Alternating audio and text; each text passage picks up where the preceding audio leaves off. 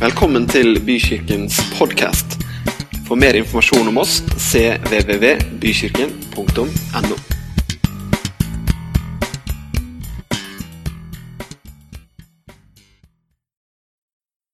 Takk, kjære Jesus, for at du er Herre. Du er kongenes konge, Jesus. Du fortjener all vår pris, all vår lovsang. Vi ærer deg for det, Jesus. Vi makter ingenting oss selv, men i deg, Jesus, så makter vi alt. Halleluja, vi priser deg, Jesus. Takk for dette rikedommen vi har i deg, Jesus. Du er stor, Herre. Halleluja. Amen. Vær så god, sitt.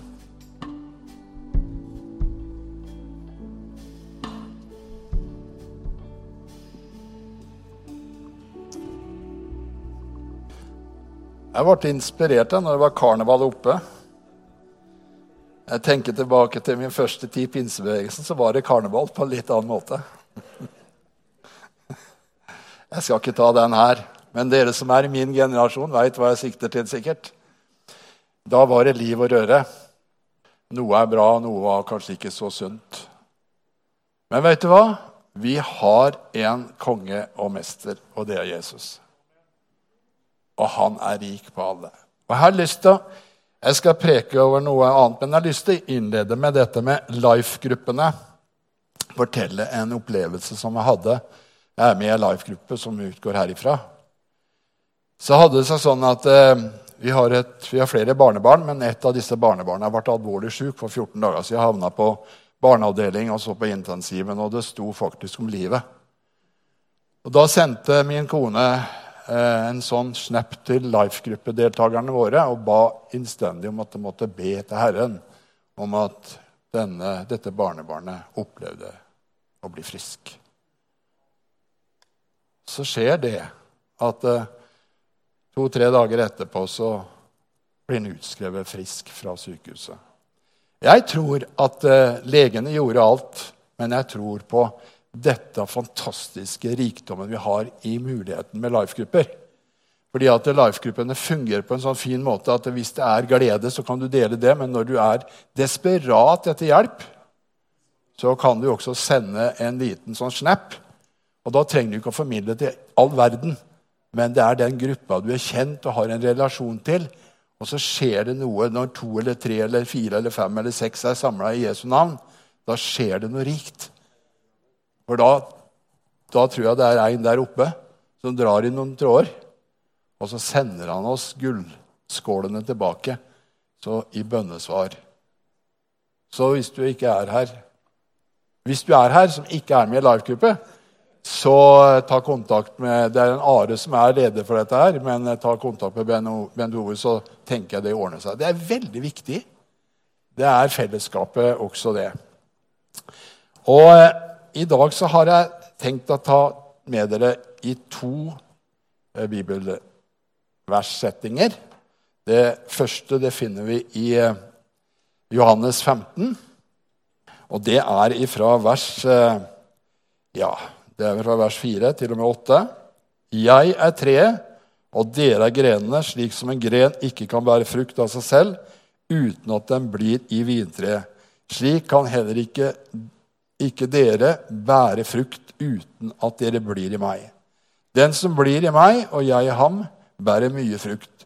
For uten meg kan dere ikke gjøre noe som helst.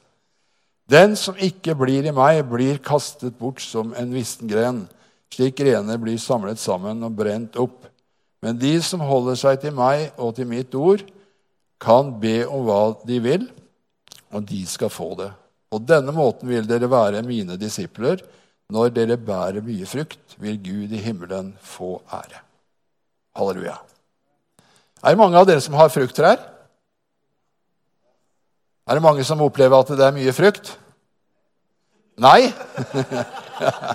Nei, da er vi med samme båt. Jeg kjøpte meg et, eh, et eh, epletre da vi flytta til Kjøpernskjær og planta det i hagen for to-tre år siden. Og, tenkte, og Det som hører med til historien, det var at jeg gikk inn på plantasjen, og der sto det massevis av frukttrær, og alle sammen hadde epler på seg, for jeg kjøpte dem høsten. Så sa du kunne smake på noen av disse. her. Så jeg tok smaksprøve av flere og syntes det var en nydelig frukt. Så jeg tok ut den som jeg syntes var best, og planta den da i hagen. Så Året etterpå var det jo ikke en eneste frukt på det treet. Året etterpå var det heller ikke noe frukt. Så stakk jeg innom plantasjen igjen, for da begynte jeg å tenke at her er det noe som er rav ruske gærent. Eller enten så gjødsler ikke jeg treet godt nok, eller så beskjærer jeg ikke, eller så bøyer jeg ikke grenene nok, eller hva verden, hva gjør jeg feil? Så sier hun der bak disken ja, men du bør grunn ha ett tre til. Fordi at det er ikke sikkert at forstøvningen og forplantningen og podingen og hele greia gjør at det bærer frukt. Så da lokka han meg til å kjøpe ett tre til. Så jeg kjøpte et tre til. Det har jeg hatt bare ett år, så jeg er veldig spent i år. Men den som er ekspert på det, sier at det går ca. 6-7 år før et tre bærer rikelig frukt. Så det kan være noe i det. Men poenget mitt er at når jeg var på plantasjen og så alle disse frukttrærne sto tett ved siden av hverandre, da bar de frukt. Og jeg fikk et sånt bilde på menighetssammenheng at når du og jeg kommer sammen, hva skjer da? Da blir det frukt, skjønner du. Og noen blir så modne at de bare gis videre. Og så bærer vi hverandre, på en måte. Og det er for meg et veldig så fantastisk bilde på hva fellesskap kan utrette. Da kan det bli rikelig frukt. Og så veit vi det at det, av og til så må det beskjæres. Vi må skjære av det som ikke er så veldig bra. Og sånn er det vi har en mester og herre gjennom Jesus Kristus. Han går rundt omkring, og så beskjærer han noe. Som det er las her også, så kastes det på bålet, og så brenner det. Her er bålpanne på tomta mi. Og det var litt herlig nå. Eh, vi hadde besøk av noen barnebarn, og så fyra vi opp den. Nei, unnskyld uttrykket, men jeg hater torner. Men i hagen vår er det så mye torner. Av en eller annen grunn så er det noen som ønsker å ha torner. Jeg er ikke så veldig glad i det. For jeg havna på legevakten i fjor med ei torn langt inn i fingeren. Så jeg, jeg, liker det ikke. Men da fant jeg på en ny metode for å slippe oss å samle disse greinene. Så tok jeg bare hagesaksa, så klepte jeg dem biter, og så tok jeg hagesaksa, og så bar jeg dem på bålpanna, og så fyrte jeg opp. Det var veldig bra. Da slapp jeg i hvert fall det i år. Men her leser vi noen ting om at vi er grenene. Og så står det det at han, altså Jesus Kristus, han er jo stammen. Og jeg er så begeistra for Jesus at hos meg er det sånn popkorntendenser av og til. Jeg kjenner bare det at Jesus er så utrolig, utrolig, utrolig god. Ja, så kan du si at ja, nå, nå overdriver du, Bjarne. Nei, for min følelse er veldig lite avhengig av min identitet i Kristus Jesus. Jeg kan gå opp og ned, men Jesus, han er ankeret som jeg har. Jeg veit bare at hos Jesus er jeg trygg. Og så syns jeg det er berikende, denne teksten her, for det står faktisk at han beskjærer noe, kaster det som er tørt og ikke bærer frukt. Og det tenker jeg at han har litt av en jobb med meg, bare for å si det sånn, å beskjære meg. For hos meg er det mye utvekster og mye som ikke er bra. Men vi er underveis, dere, er vi ikke da? Det er noe som heter helliggjørelse. Vi skal bli mer og mer lik Jesus Kristus, men vi blir dessverre ikke helt lik han. Det kan bli en trøst for dere. Det har vært trøst for meg i hvert fall. Men en dag når vi står hjemme, så ser han ikke våre feil og mangler. Er ikke det rikt, da? Det er jo et håp i det, syns jeg. Så denne teksten for meg er utrolig viktig å ha med seg i forhold til at vi er podet inn på én, og det er ikke hvilken som helst, men det er Jesus Kristus. Og i ham så har vi absolutt alt.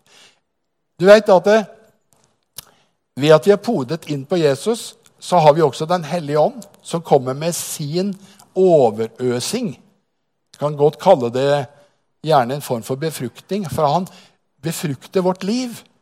Og så ut ifra det så strømmer det overflod av liv. Og da strømmer det noe fantastisk velsigna godt ut fra deg og meg. Og jeg vet ikke, Har dere tenkt litt på det? Det har dere gjort mye. Jeg har, ikke vært mye, jeg har jo ikke vært så lenge med i denne menigheten. Men det jeg har lagt merke til Og dette blir jo subjektivt, da. Men jeg har opplevd å bli virkelig tatt godt imot. Det er noe berikelse i det. Vi har én og samme ånd i oss. Vi har forskjellige personligheter. Og vi har forskjellige Noen er store, og noen er smale, skulle jeg si, og noen er høye, og noen er korte. Men det er en ånd som binder oss sammen. Og det er viktig. Så skal vi slå opp i Galaterbrevet, for det er der jeg skal eh, jobbe mest. Det er i Galaterbrevet 5, og fra vers 22 til 26. Men åndens frukt, derimot, er kjærlighet, glede, fred, tålmodighet, vennlighet, godhet, trofasthet, ydmykhet og selvbeherskelse. Alt dette er summen av Moseloven. De som har gitt livet sitt til Kristus, har dermed også sagt seg villig til å avvise egne lyster og fristelser. Hvis vi sier at vi lever for Gud, så må vi la Guds ånd få prege oss. La oss ikke være ute etter å få tom anerkjennelse fra mennesker. Da vil vi bare sammenligne oss med hverandre og dermed misunne hverandre. Her er det snakk om ni forskjellige frukter. Jeg skal ikke ta alle fruktene i dag, for da blir det for lenge. Men jeg har lyst til å dele først og fremst med kjærlighet. Her står det at åndens frukt er kjærlighet. Eh, I Bibelen så kan man se mange typer kjærlighet. Det kan være seg, Den er uselvisk, menneskekjærlig. Man er menneskekjærlig, bekymring for en annen. Men den kan også være så enkelt å elske, ha kjærlighet til noen. Og like å være en venn, kjærlighet som brødre, søsken for hverandre. Det er i utgangspunktet nokså mye hvis du tenker på kjærligheten. Men åndens frukt, dere, den er viktig i forhold til møtet med hverandre, vi som kommer hit hver søndag eller andre sammenhenger gjennom uka. Men tenk at denne kjærligheten den skal prege oss når vi sier takk for i dag og går mandagen i møte. Og jeg er så enkel i min eh, teologiske oppfattelse at jeg er en avspeiling av Kristus når jeg møter mennesker der ute. Og hvis de opplever at ikke jeg er bærer av en frukt som heter kjærlighet, så tror jeg at de vil ikke legge merke til om jeg tror på Jesus eller ikke. Og det betyr ikke en sånn krampaktig greie at nå skal du gå rundt og smile og smiske og hele pakka. Det handler ikke om det. Det handler om at man er kjærlig pga. at det er en som har elsket oss først. Det er jo det som er dimensjonen her. Jesus Kristus ga sitt liv for meg og deg. Og på grunn av det så kan vi og er vi i stand til å elske andre. Hvis ikke så har vi ikke vært i stand til å elske. Vi har ikke vært, vært i stand til å elske og gi andre begeistring og ros. Å ha kjærlighet til noen. Dere som er gift, veit vel hva kjærlighet er. Kjærlighet den er å gi alt det du i utgangspunktet har i deg selv. Den gir du til den du er mest glad i. Det bør i hvert fall være sånn. Kan, som menn kan vi nok si bli mye bedre til det. Kanskje.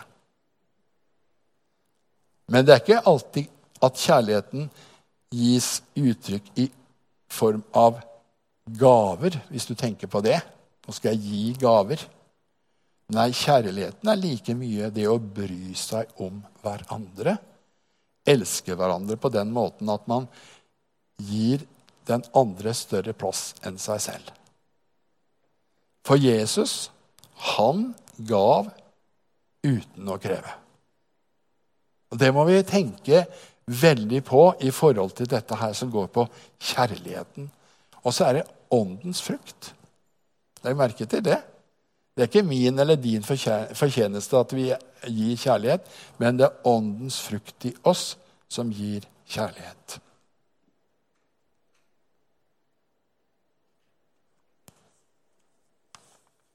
Så har vi ordet glede, da.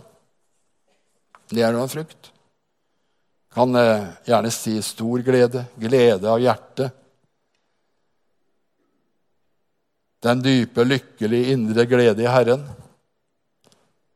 Glede seg over å være glad. Lykkelig, glad, fornøyd, sprudlende og munter. Og så står det det at Herren sier jo at eh, en glede i Herren er min styrke. Jeg har lyst til å si det at glede for meg betyr ikke Det er kanskje litt vanskelig å definere hva glede er, da. Men for meg er gleden over at jeg er et Guds barn, den er utrolig stor. Og den er, grunn, den er så grunnløs for meg. altså Der, der er planta all min glede. Så kan man si det at ja, men du skal jo ikke gå rundt og se ut som et surt fjes. og Du skal jo alt vinne andre. Men jeg tror at det går an å vinne mennesker med den indre fødte gleden. Er dere med meg? For du skjønner, gleden den kommer ikke først og fremst at nå Ta det, da. I karnevalssalen her oppe så er det full, full fart, full glede. Men det betyr jo ikke nødvendigvis at det er den er gleden jeg sikter til. Det er bra å ha den gleden òg, men gleden som strømmer innafra, den er mye viktigere enn som så. Og dere som er veldig sportsinteresserte, vet jo det at gleden varer veldig kort. Gjør den ikke? Det er noen som er så opptatt av det at de kan jo, runde, kan jo alt fra flere år tilbake. Sånn er ikke jeg. Men jeg kan glede meg over en prestasjon, men den varer veldig kort. Men gleden i Kristus Jesus, det er min styrke. For det er Jesus Kristus som er han som har gitt meg den dype, dype, dype lengselen av glede. Og da kan jeg fryde og glede meg noe utrolig. Og jeg tror jo faktisk at uten at jeg er podet inn da, på denne gleden, så kan det lett bli at man tørker bokstavelig talt opp. For du skjønner, Den hellige ånd den smør gleden hele tida, slik at du har en glede i deg. En grunnløs en endelig god følelse å kjenne på. Jeg har fortalt det før, men når jeg går tur med bikkja Det høres jo så utrolig kjedelig ut å gå med bikkje, en hund. Ja, men du verden hvor stor glede jeg kan få oppleve. Jeg kan se rundt meg, så møter jeg mennesker. Og så er det i hvert fall Hvis du har en hund, så sier de hei. Hvis ikke, så sier de ikke hei. Så du må tvinge deg til å si hei, da. Og her en dag på bussen så var det litt sånn spesielt òg. Jeg opplever mye på bussen, altså. men jeg tar alle som en sånn, jeg er litt sånn opptatt av de øyeblikkene. Da satt jeg der og ser norsk, norsk buss. Det er standard, det er doble seter, men det sitter jo alltid bare én på hvert sete. Unntatt at det er ungdommen. da, De sitter jo på fire, de som vender mot hverandre, for de vil kapre dem. Så kom det et eldre menneske. Hun var eldre enn meg, for å si det sånn. Hun var nærmere 80, tenker jeg. Og så sier hun sånn forsiktig du, 'Unnskyld, men kan jeg få sitte ved siden av deg?' 'Ja, vær så god.' Det er ingen som sitter her, sier jeg. vet du. Litt fleipete sagt, kanskje. Hun satte seg ned, og så fikk hun ikke på seg selen. Så sa jeg, 'Skal jeg hjelpe deg?' 'Ja, kan du hjelpe meg?' Og vet du hva? Bare, jeg kjente sånn glede. Unnskyld at det er sånn banalt, dette her.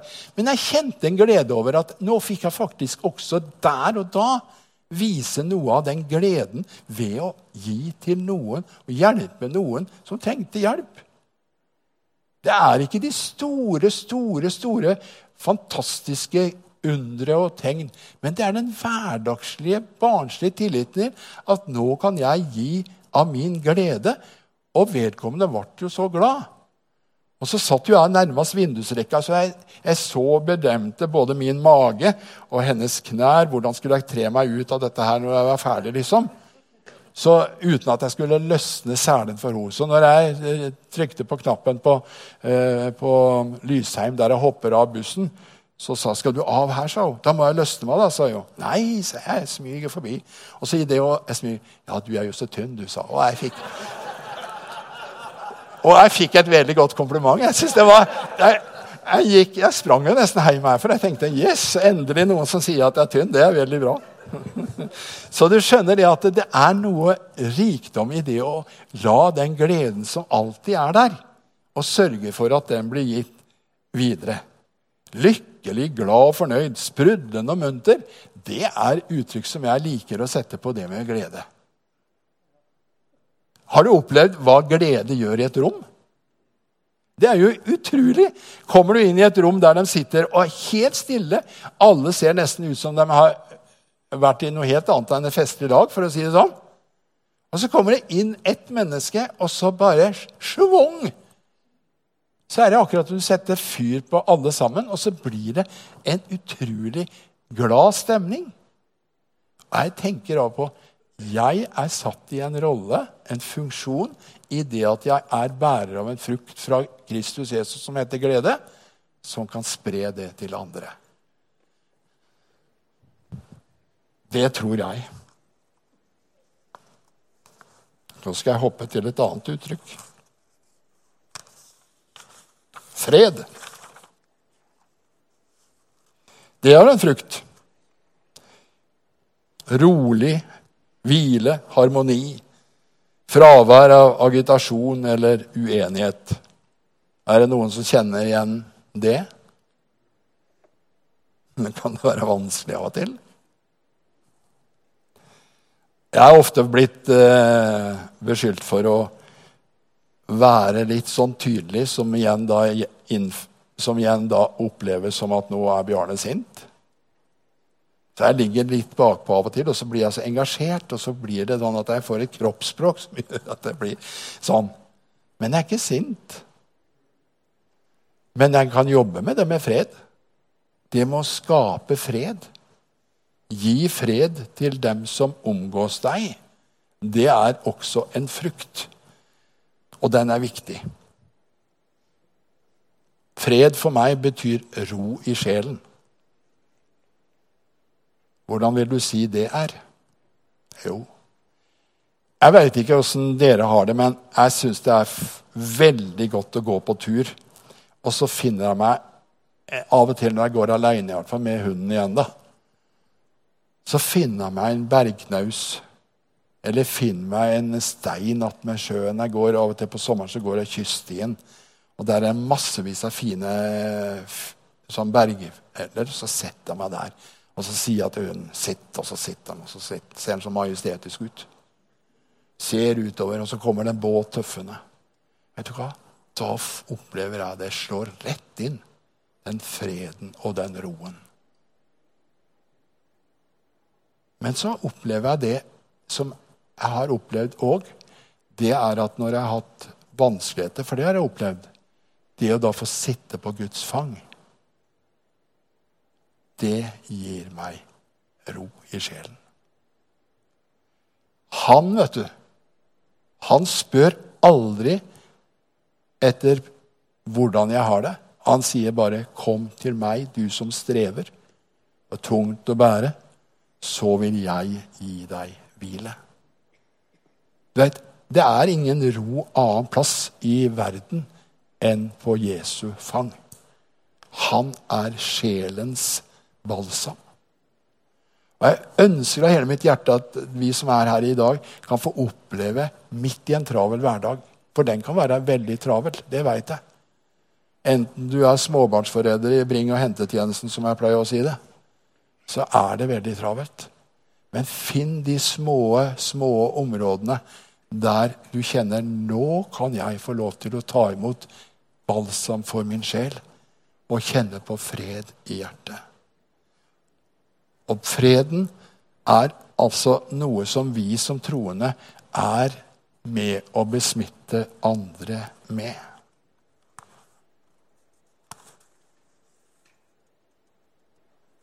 Så skal jeg avslutte.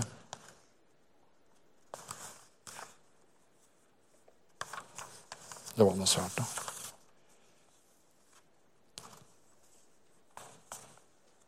Jeg skal avslutte med vennlighet, snillhet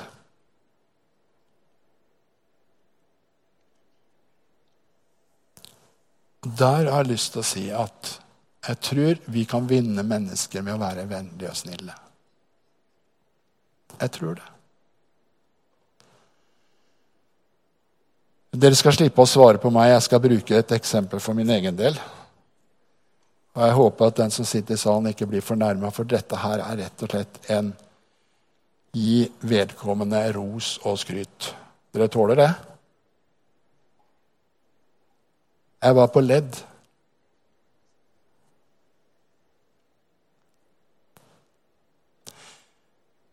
Og min rolle gjennom flere år har vært litt annerledes. Jeg skal ikke gå i dybden på det. Men jeg har vært pastor i 20 år. Og eh, både jeg og kona vi grudde oss veldig til ledd. For vi tenkte hvilken rolle og igjen, Det er jo helt feil å si det, men jeg tenkte hvilken rolle skal jeg innta her? Og pga. covid-19 så hadde vi, ikke, hadde ikke vært noe særlig ledd på noen år. og Jeg var på en måte ute av pastortjenesten og tenkte at hvordan vil det være å komme dit? Så kommer vi for redd. Hvem andre enn Mathilde møter oss? Og jeg må si det, Mathilde, og det tåler du å høre, håper jeg. Jeg har sagt det til deg også. Men den måten hun tok imot oss på, det gjorde at den dagen for meg og kona mi ble helt fantastisk rik. Ett menneske gjorde en forskjell.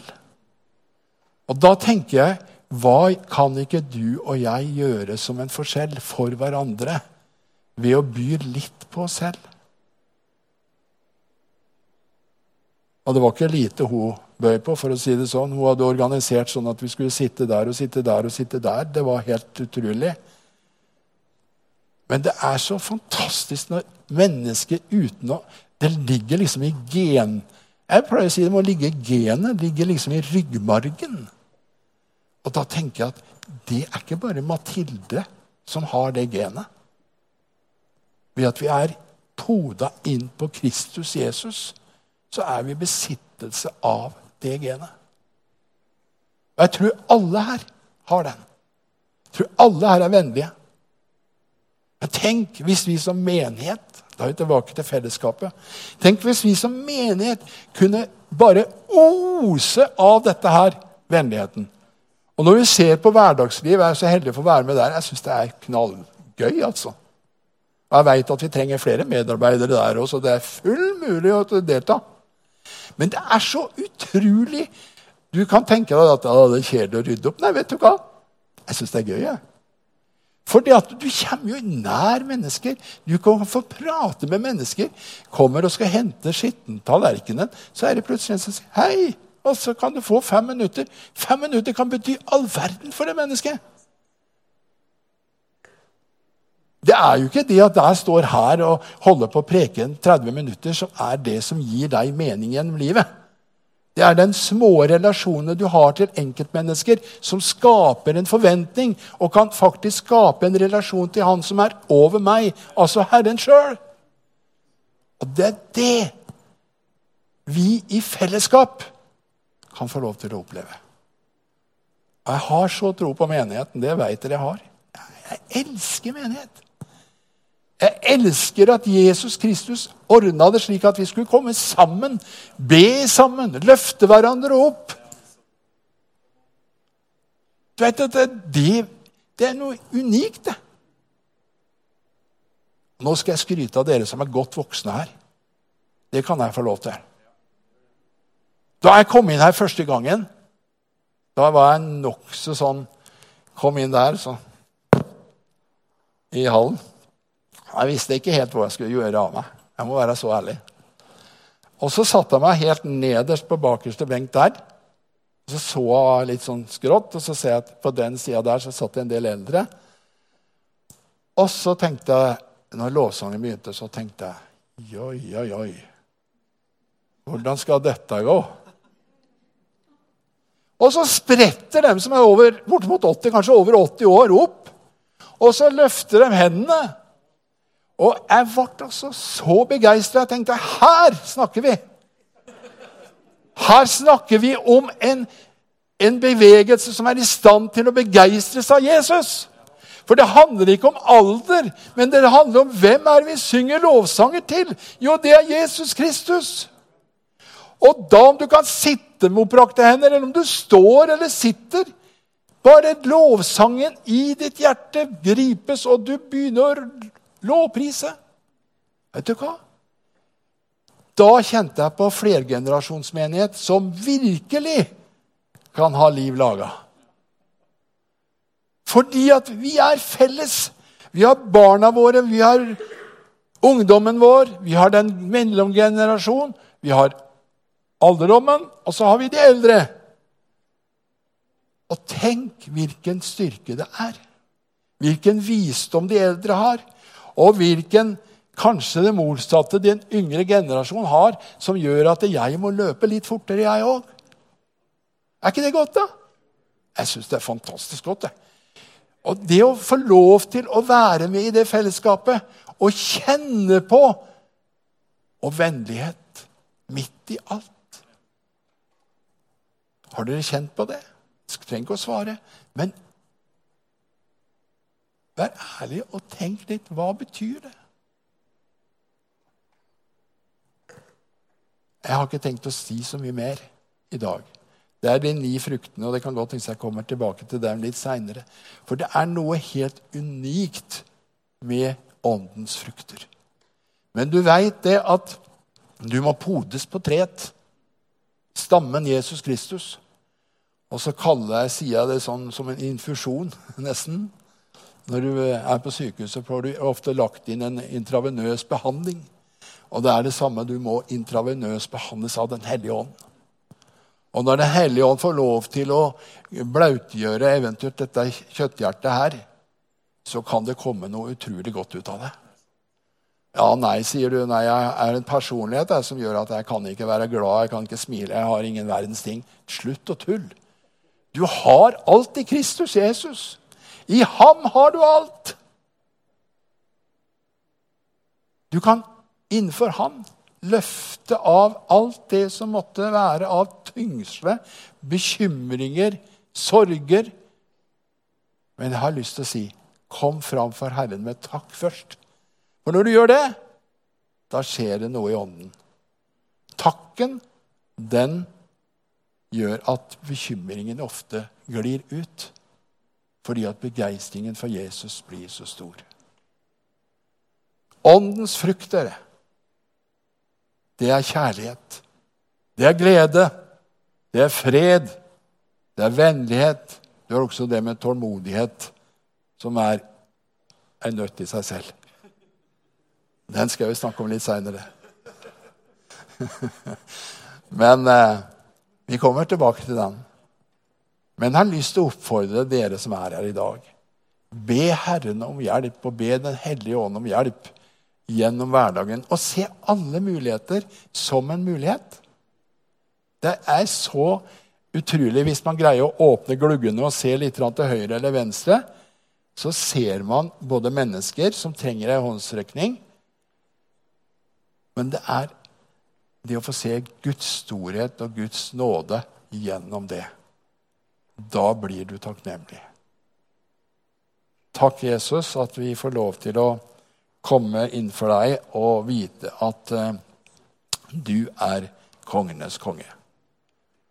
Og så veit vi det, Jesus, at uh, vi har ikke kommet fram til målet ennå. Men så lenge vi er under din ledelse, så kan du få lov til å bruke oss. Herre, hjelp oss til å bruke de fruktene som du har lagt inn i våre liv. Amen.